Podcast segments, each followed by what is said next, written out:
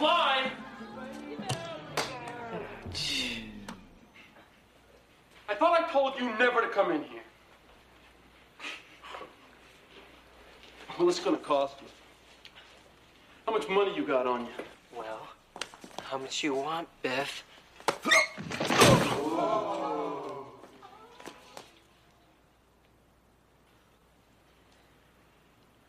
All right, punk. Now I'm whoa, gonna... whoa, Biff. What's that?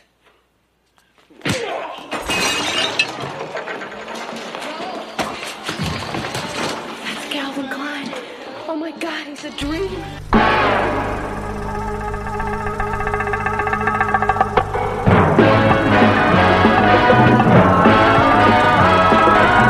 When it comes to entertainment, you can't beat a good film.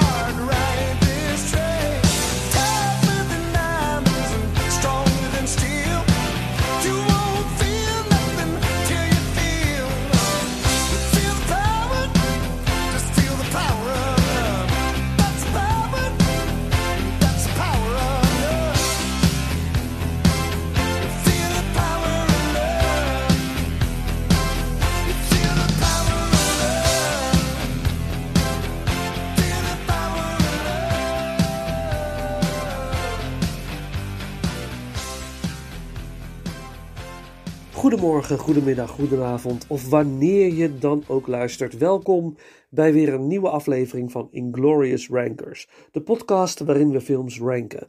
Van franchise tot filmjaar, van acteur tot regisseur. Voor de intro hoorden jullie al een iconisch fragment.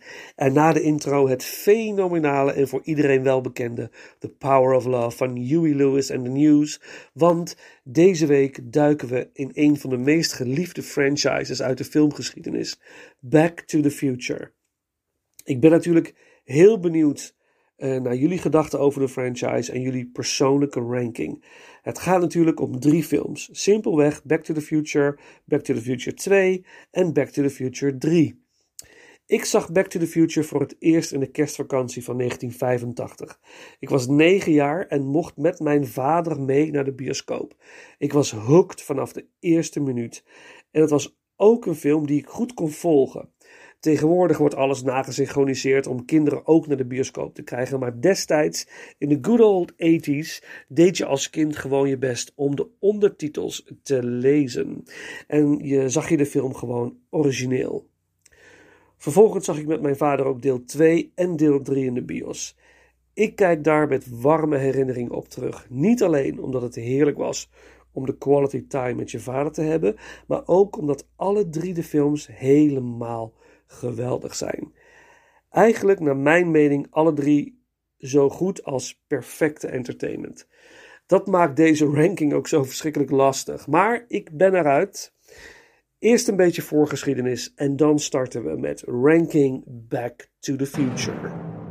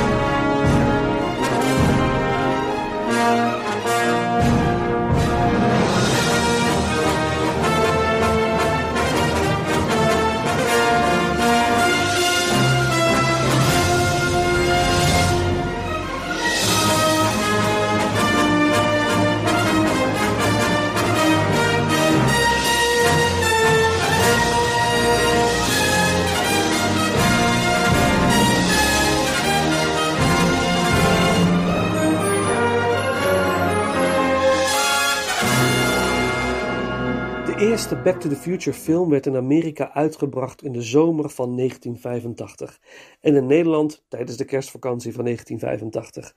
Het werd wereldwijd een enorm succes, werd genomineerd voor meerdere Oscars en Golden Globes. De film won de Oscar voor Best Sound Editing. Tot op de dag van vandaag is het een van de meest geliefde films aller tijden. En ook nu weer ontdekt een nieuwe generatie de avonturen van Marty McFly en Doc Brown, respectievelijk gespeeld door Michael J. Fox en Christopher Lloyd. Het script is van Bob Gale en alle drie de films zijn geregisseerd door Robert Zemeckis. De films gaan over tijdreizen en dit is op een geweldige manier uitgewerkt.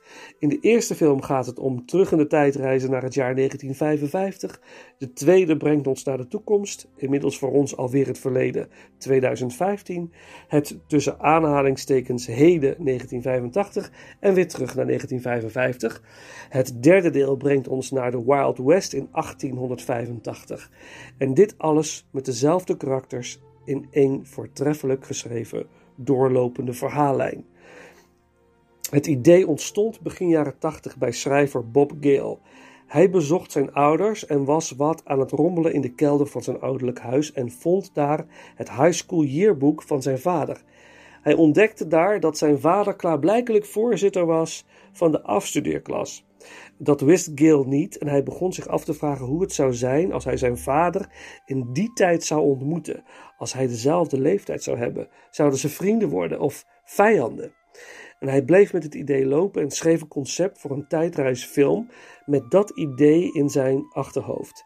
Hij besprak het idee met zijn vriend Robert Zemeckis en deze was direct enthousiast. Hij voegde daar zelf nog wat ideeën aan toe en de twee besloten de uitdaging aan te gaan hier een film van te maken. De film zou zich voor een groot deel moeten gaan afspelen in 1955. Ook een periode waarin teenagers meer op de voorgrond traden, science, fiction films steeds populairder werden, de tv en de rock and rolls een intrede deden. De tijdmachine zou in eerste instantie een soort van koelkastachtige constructie moeten worden die door een atoomexplosie zou gaan werken. Ze zouden in 1955 dan de Nevada Test Site moeten gebruiken om terug te keren naar het heden. De Nevada Test Site wordt onder andere ook gebruikt in Indiana Jones and the Kingdom of the Crystal Skull. Zemeckis vond, het, vond toch het idee van een auto als tijdmachine beter en meer passen in 1985. En dat zou zorgen voor meer herkenbaarheid en het publiek kon zich er makkelijker mee identificeren. Dat was natuurlijk een gouden greep. Ze gingen verder met dat idee en de tijdmachine werd een DeLorean. Zeker geen populaire auto in die tijd, maar daar bracht deze franchise voor altijd verandering in. Zemeckis en Gale hadden al eerder samengewerkt aan de film Used Cars bij Columbia Pictures en dachten dat ze met dit idee wel een nieuwe deal konden sluiten. In 1980 deden ze een poging. Columbia Pictures vond het idee geweldig, maar wilde veranderingen aanbrengen in het script. Veranderingen die meer zouden leiden tot het niveau van Porky's, een film die begin jaren 80 ook een groot succes was. Meer een teenage, uh, ranzige seks vibe. Ook een leuk idee voor de ranking trouwens. Die gaat op het lijstje. Veel studio's wezen het project af. Zelfs Disney wilde er niet aan, omdat de moeder van Marty in het verleden verliefd wordt op haar eigen zoon. Ze benaderde Steven Spielberg. Hij vond het idee geweldig, maar een studio overtuigen bleef lastig. Toen gebeurde er iets dat alles zou gaan veranderen. Zemeckis regisseerde de avonturenfilm Romancing the Stone met Michael Douglas en Kathleen Turner. Dit werd een wereldwijde hit. Opnieuw werd Spielberg benaderd en samen met hem kregen ze Universal zover te investeren uh, en tezamen met Spielbergs eigen maatschappij Amblin, wat resulteerde in Spielberg als presenter en executive producer. Universal vond de titel Back to the Future helemaal niks en stelde de titel Spaceman from Pluto voor. Dit ging Zemeckis te ver en met behulp van Spielberg kregen ze Universal zover de oorspronkelijke titel Back to the Future te mogen behouden. De film werd gemaakt en de rest is geschiedenis. Nu is het tijd voor de ranking. Let's go, de nummer 3. I'm going back to 1885 and I'm bringing you home. Welcome to the rousing conclusion of Back to the Future. Doc's trapped in the past. What kind of a future do you call that? And there's only one man who can save him. What's your name, dude? Clint Eastwood. What kind of stupid name is that? Steven Spielberg and Robert Zemeckis present Back to the Future Part 3. Where'd you learn to shoot like this? 7 Eleven. Rated PG. Starts Friday, May 25th at theaters everywhere. Op nummer 3, Back to the Future 3, uitgebracht in 1990. Niet omdat dit zozeer de minste is van de drie, ook dit deel is een genot om naar te kijken, maar van de trilogie mijn minst favoriet persoonlijk. Ik baseer een lastige ranking als deze op het idee van welke films zou ik het meest vaak kijken en van welke film krijg ik de meeste positieve energie en wil ik steeds weer opnieuw kijken. Hoewel ik enorm kan genieten van Back to the Future 3, staan de andere twee er toch net iets boven. Het einde van deel 2 is een open einde. In de bioscoop was dat echt een oh shit moment. Ik weet dat nog heel goed. Je wil echt dat die film verder gaat. Ineens stond er een beeld to be concluded. Oh nee, het is afgelopen. Maar twee seconden later, aan het einde van deel 2, nog voor de end credits, werden we ineens getrakteerd op een teaser van Back to the Future 3. En die zou zes maanden later al uitkomen. En dat bracht een zucht van verlichting en maanden verheugen op het laatste hoofdstuk. Deel 2 en 3 zijn back-to-back opgenomen. De reden hiervoor, dat komt later in deze aflevering voorbij. In dit derde deel reist Marty, natuurlijk wederom gespeeld door Michael J. Fox, naar 1885, de Wild West, het Wilde Westen, om Doc te redden, van een, mogelijke dood. Hij wordt namelijk neergeschoten door Buford Mad Dog Tannen, een familielid van Biff Tannen, een aardsvijand van Marty in deel 1 en 2. Ook nu in deel 3 door dezelfde acteur op onnavolgbare wijze vertolkt, de acteur Thomas F. Wilson. Marty reist terug om dit moment eh, te voorkomen en Doc mee terug te nemen naar 1985. Natuurlijk gaat dit niet makkelijk en krijgt Marty zelfs te maken met. eh, hij krijgt zelf te maken met Buford Tannen, die het nu op hem heeft voorzien. Daarbij is er ook nog een ander probleem. Doc wordt tot over zijn oren verliefd op Clara, gespeeld door Mary Steenburgen.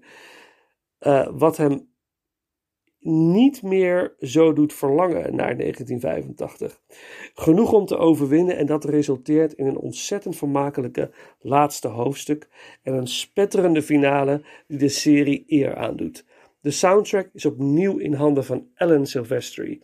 Hij verzorgde ook de muziek van de eerste twee delen en hij geeft het een echt Wild West gevoel. Laten we luisteren naar een deel van de end credits. Muziek door Alan Silvestri.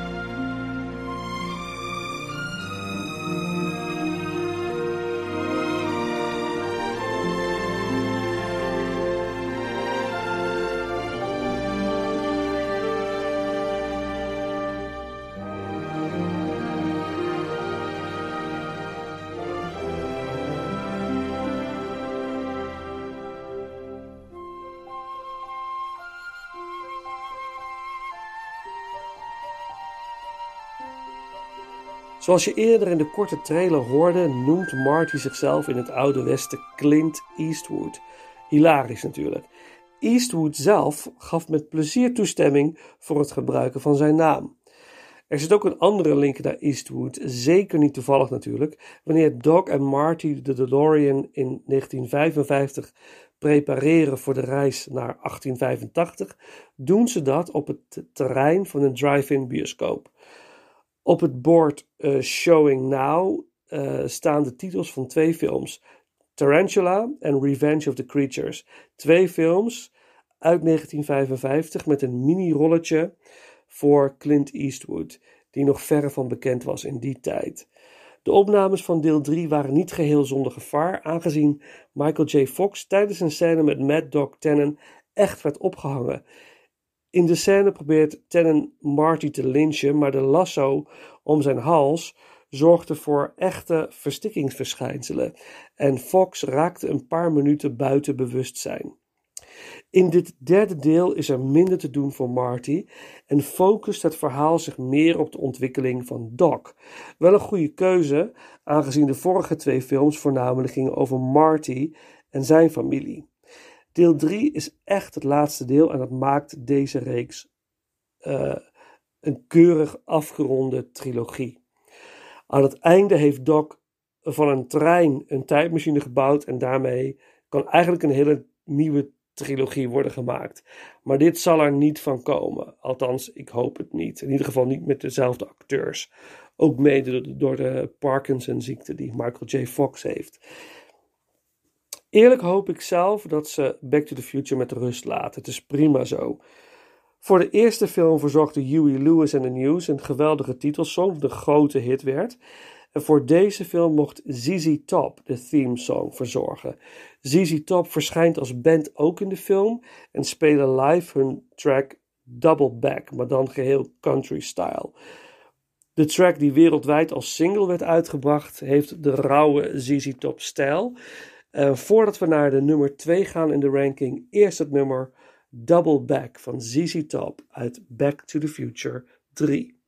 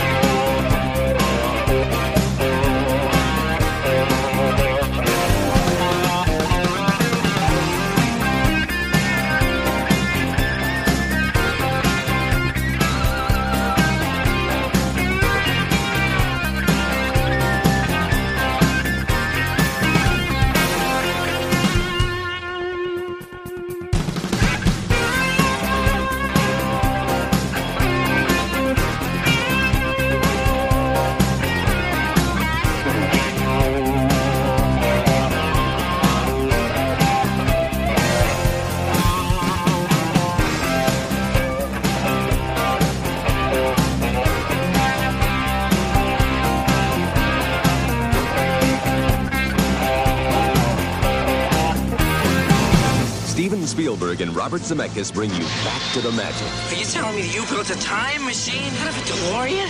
Back to the fantastic. It works! Back to the action. Whoa, this is heavy. Back to the past. It's an absolute dream. Take it from yourself. Back to the future. Michael J. Fox, Christopher Lloyd. In Back to the Future, rated PG. Sneak preview tonight. Check newspapers.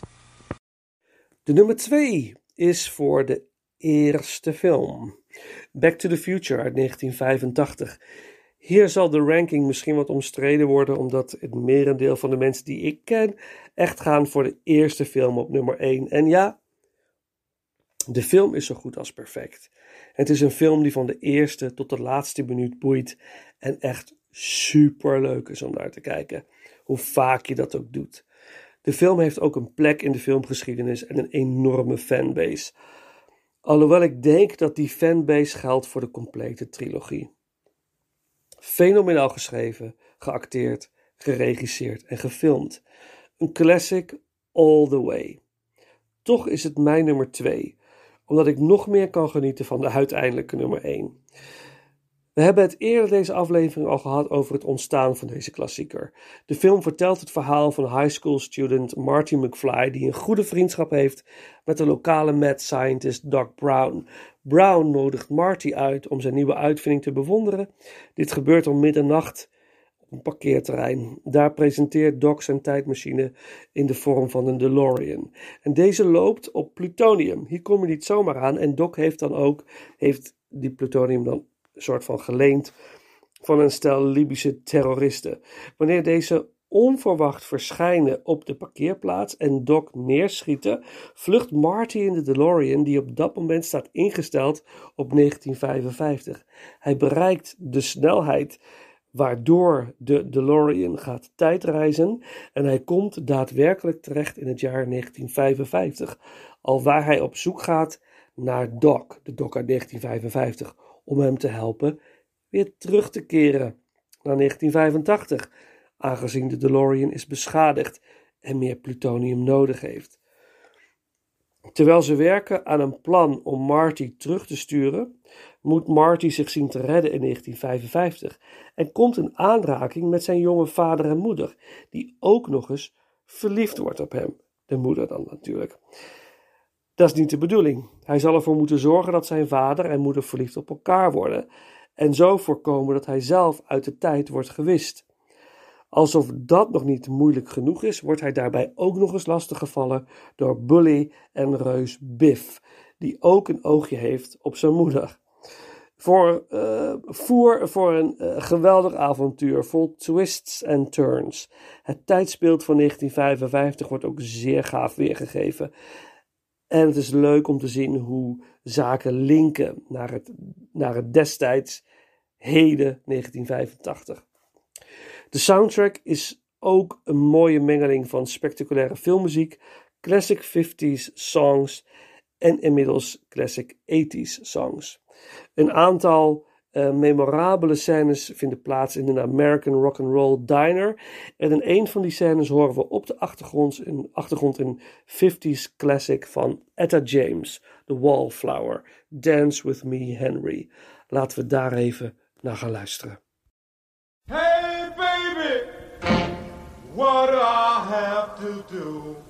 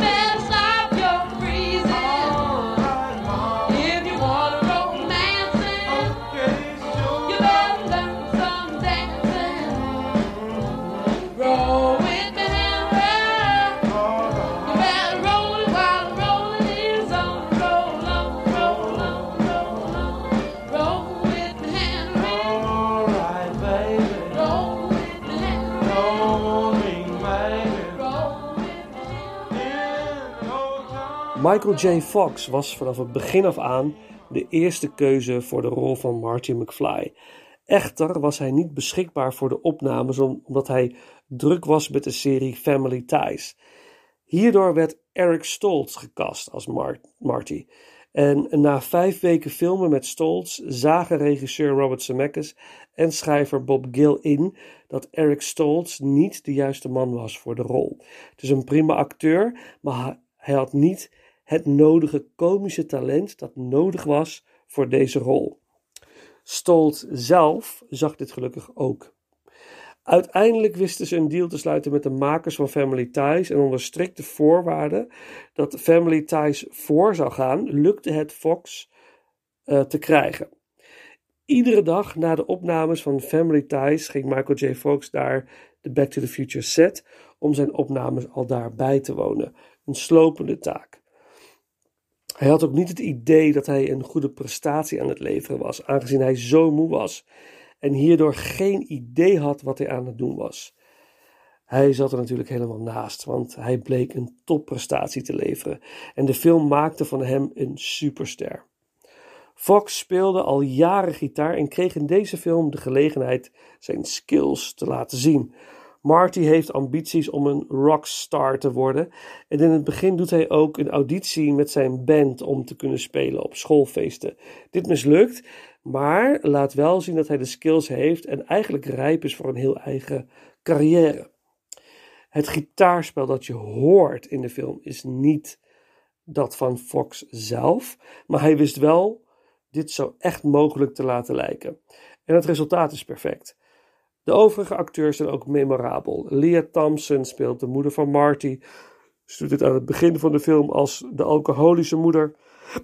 In 1955 als de jonge, eigenlijk nog niet moeder van Marty. En aan het einde van de film als een classy moeder van Marty terug in 1985. Wanneer er ehm, eh, door zaken die veranderd zijn in het verleden ook dingen anders zijn geworden in het heden. Geen spoor van de aan alcohol verslaafde moeder. Claudia Wells speelt Jennifer, de mooie vriendin van Marty. Het karakter dat een iets grotere rol krijgt in de film, in de tweede film. Echter keerde Wells niet terug in verband met ziekte van haar moeder en werd haar rol overgenomen door Elizabeth Shue. Natuurlijk is daar Bully Biff wederom geweldig neergezet door Thomas Wilson. George McFly, de vader van Marty, ontzettend goed komisch vertolkt door Crispin Glover. De show wordt wel gestolen door Christopher Lloyd. Hij speelt Doc Brown onvergetelijk. Een over-the-top performance, maar nooit vervelend en als vreemde eend toch perfect passend in het geheel. Back to the Future behoort zeker tot mijn favoriete films of all time. Het is telkens weer een genot om naar te kijken en weer zo'n gouden moment in de geschiedenis van de film. 44 keer is het script afgewezen, maar zie waar dit weer eens naartoe leidt. Veel van de ultieme classics werden in eerste instantie afgewezen omdat ze vernieuwend zijn en de zekerheid tot miljoenen verdienen er niet meteen is. Back to the Future is zo'n film die het tegendeel kon bewijzen. We hadden het net al even kort over de soundtrack en het gitaarspel van Fox. Marty laat ook in 1955 zijn gitaarskills zien en wel op de Enchanted Sea Dance. Hij geeft een spectaculaire performance weg met het nummer Johnny Be Good, niet live gezongen of gespeeld door Fox, maar door Michael Chapman van de band Jack Mack en The Heart Attack. Het nummer Johnny Be Good is natuurlijk van de legend Chuck Berry. De zanger van de band in de film die in de film te zien is, rent op een zeker moment naar de telefoon terwijl Marty Johnny B. Good speelt en belt een zekere Chuck en zegt hem dat dit mogelijk een nieuw geluid is dat hij zoekt. En hij houdt de hoorn omhoog in de richting van het podium. Heel grappig. Voordat we naar de nummer 1 gaan, even die track uit Back to the Future, Johnny B. Good. In dit geval gezongen door Michael Chapman.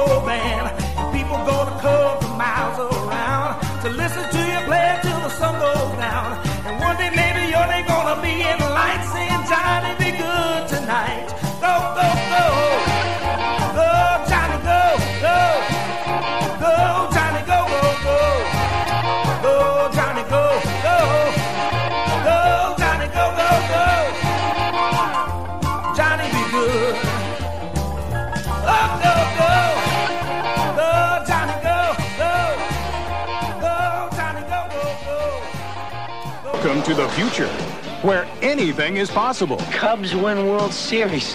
and where one small mistake What's wrong with bringing back a little info on the future? can change the course of history. Mom, that can't be you. You're so big. Steven Spielberg presents a Robert Zemeckis film. Michael J. Fox, It's got to be the wrong year. Christopher Lloyd. Back to the Future Part 2. Rated PG. A brand new future is coming on Wednesday at theaters everywhere. Mijn zekere favoriet van de serie Back to the Future Part 2. Ik weet nog dat ik hem in de bioscoop zag. Ik was inmiddels 13 en kon de film ondanks de complexiteit best goed volgen. En ik merkte dat ik die complexiteit ook heel erg leuk vond. Daag me maar uit, heerlijk. Wat maakt de tweede film dan zo complex? Dat heeft alles te maken met de verschillende tijdlijnen die door elkaar gaan lopen. Heerlijk. De film start waar deel 1 is geëindigd. Marty is terug in 1985. Alles lijkt weer goed. Maar dan is daar opeens Doc. Hij vertelt Marty en zijn vriendin Jennifer dat het vreselijk misgaat met hun kinderen in de toekomst. Hij neemt hen beiden mee in de DeLorean en reist naar het jaar 2015, alwaar ze moeten zien te voorkomen dat hun zoon wordt gearresteerd door de politie. Dat lijkt te lukken en alles zou goed moeten komen, waren het niet dat Marty in de toekomst een sportalmanac koopt met daarin alle sportuitslagen van eind jaren 50 tot 2015. Hij ziet daar natuurlijk wel brood in, maar Doc stopt hem en gooit de almanak in een prullenbak. En daar wordt deze opgevist door een oude Biff Tannen, die alles op een afstandje heeft gadegeslagen.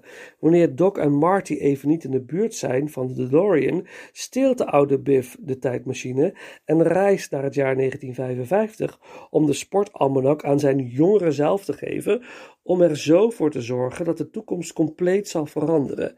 Hier komen Doc en Marty achter wanneer ze terug zijn in 1985, wat niet meer de 1985 is die ze kennen.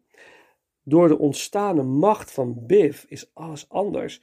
Ze moeten nu dus terug naar 1955 om te voorkomen dat de jonge Biff de almanak in handen krijgt. Waar ze wel voor moeten oppassen is dat ze beide zichzelf kunnen tegenkomen, want het is binnen de exactzelfde periode als in deel 1.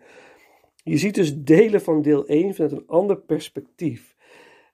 En wanneer alles gelukt lijkt te zijn, verdwijnt Doc in de DeLorean na een blikseminslag en laat Marty achter in 1955. Nog geen minuut later op dezelfde plek wordt er een brief gegeven aan Marty, een brief van Doc, waarin staat dat hij gelukkig aan wel leeft in 1885. Nu moet Marty nog wel terug naar 1985. Daarom haast hij zich naar de Doc uit 1955, die hem zojuist heeft geholpen, heeft teruggestuurd naar 1985 volgens de lijn van deel 1. En daar start deel 3. Heel simpel uitgelegd. Ja, het is een feest. Deze film is een regelrecht feest. De karakters zijn zeker net zo leuk, wellicht net iets meer over de top dan in de eerste film. De pacing is perfect. Als je de film voor het eerst ziet, is het de ene leuke verrassing naar de andere. De soundtrack is geweldig. Het idee van de toekomst bedacht in 1985, of in dit geval 1989, is, is fantastisch. 2015 is natuurlijk voor ons eh, eh, alweer al lang voorbij. Toch zijn sommige zaken wel uitgekomen, zoals het betalen met je duim en videocalls. Al met al zeg ik een feestje. En daarom echt, echt mijn nummer 1. Deel 2 is mijn persoonlijke favoriet. Een, van de leuke gadgets die men heeft bedacht voor 2015 is een zwevend skateboard, een hoverboard. Een, een gadget waar Marty dankbaar gebruik van maakt als hij wordt achtervolgd door Griff, de futuristische zoon van Biff. Ja, een leuke scène met een knipoog naar deel 1, al waar Marty ook een geïmproviseerde skateboard heeft als hij op de vlucht staat, slaat voor Biff en zijn gang. Een track van de soundtrack van deel 2 bij die betreffende hoverboard scene, toepasselijk getiteld Hoverboard Chase, muziek door Alan Silvestri. Daar gaan we nu even naar luisteren.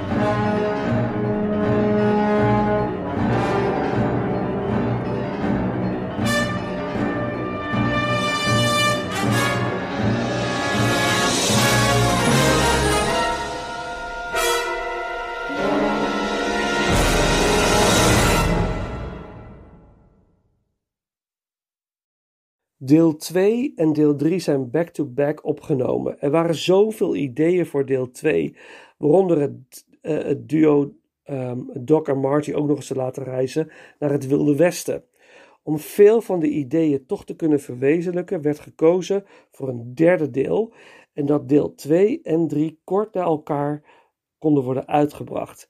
Het opnameproces duurde 11 maanden en was slopend, vooral voor regisseur Robert Zemeckis, die in de avonduren werkte aan de editing van deel 2 en overdag aan de opnames van deel 3.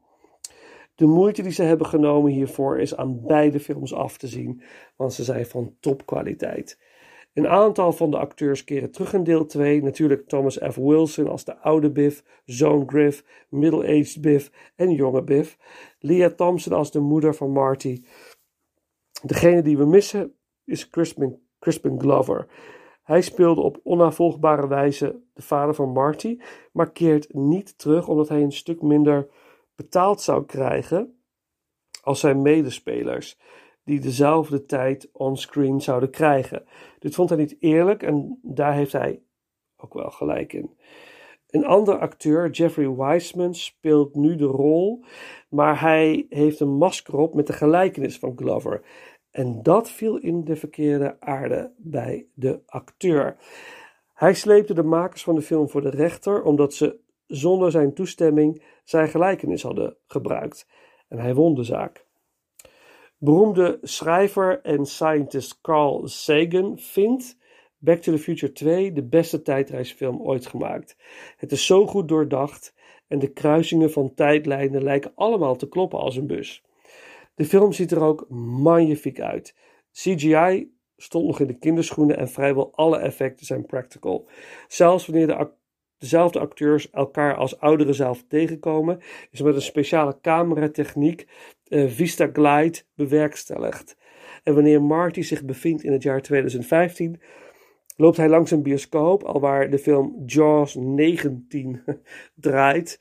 Eh dan komt er een grote geanimeerde haai uit die bioscoop. Eh, en die lijkt hem te grijpen, maar het is een, is een, eh, een computeranimatie die echt als een reclamestunt uit de gevel van de bioscoop verschijnt.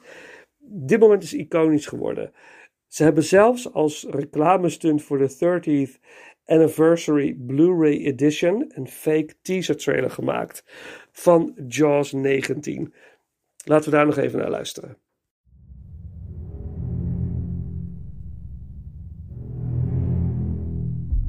Jaws made you afraid to go in the water. Jaws 2 made you afraid to go back in the water. Jaws 3D was a new dimension in terror.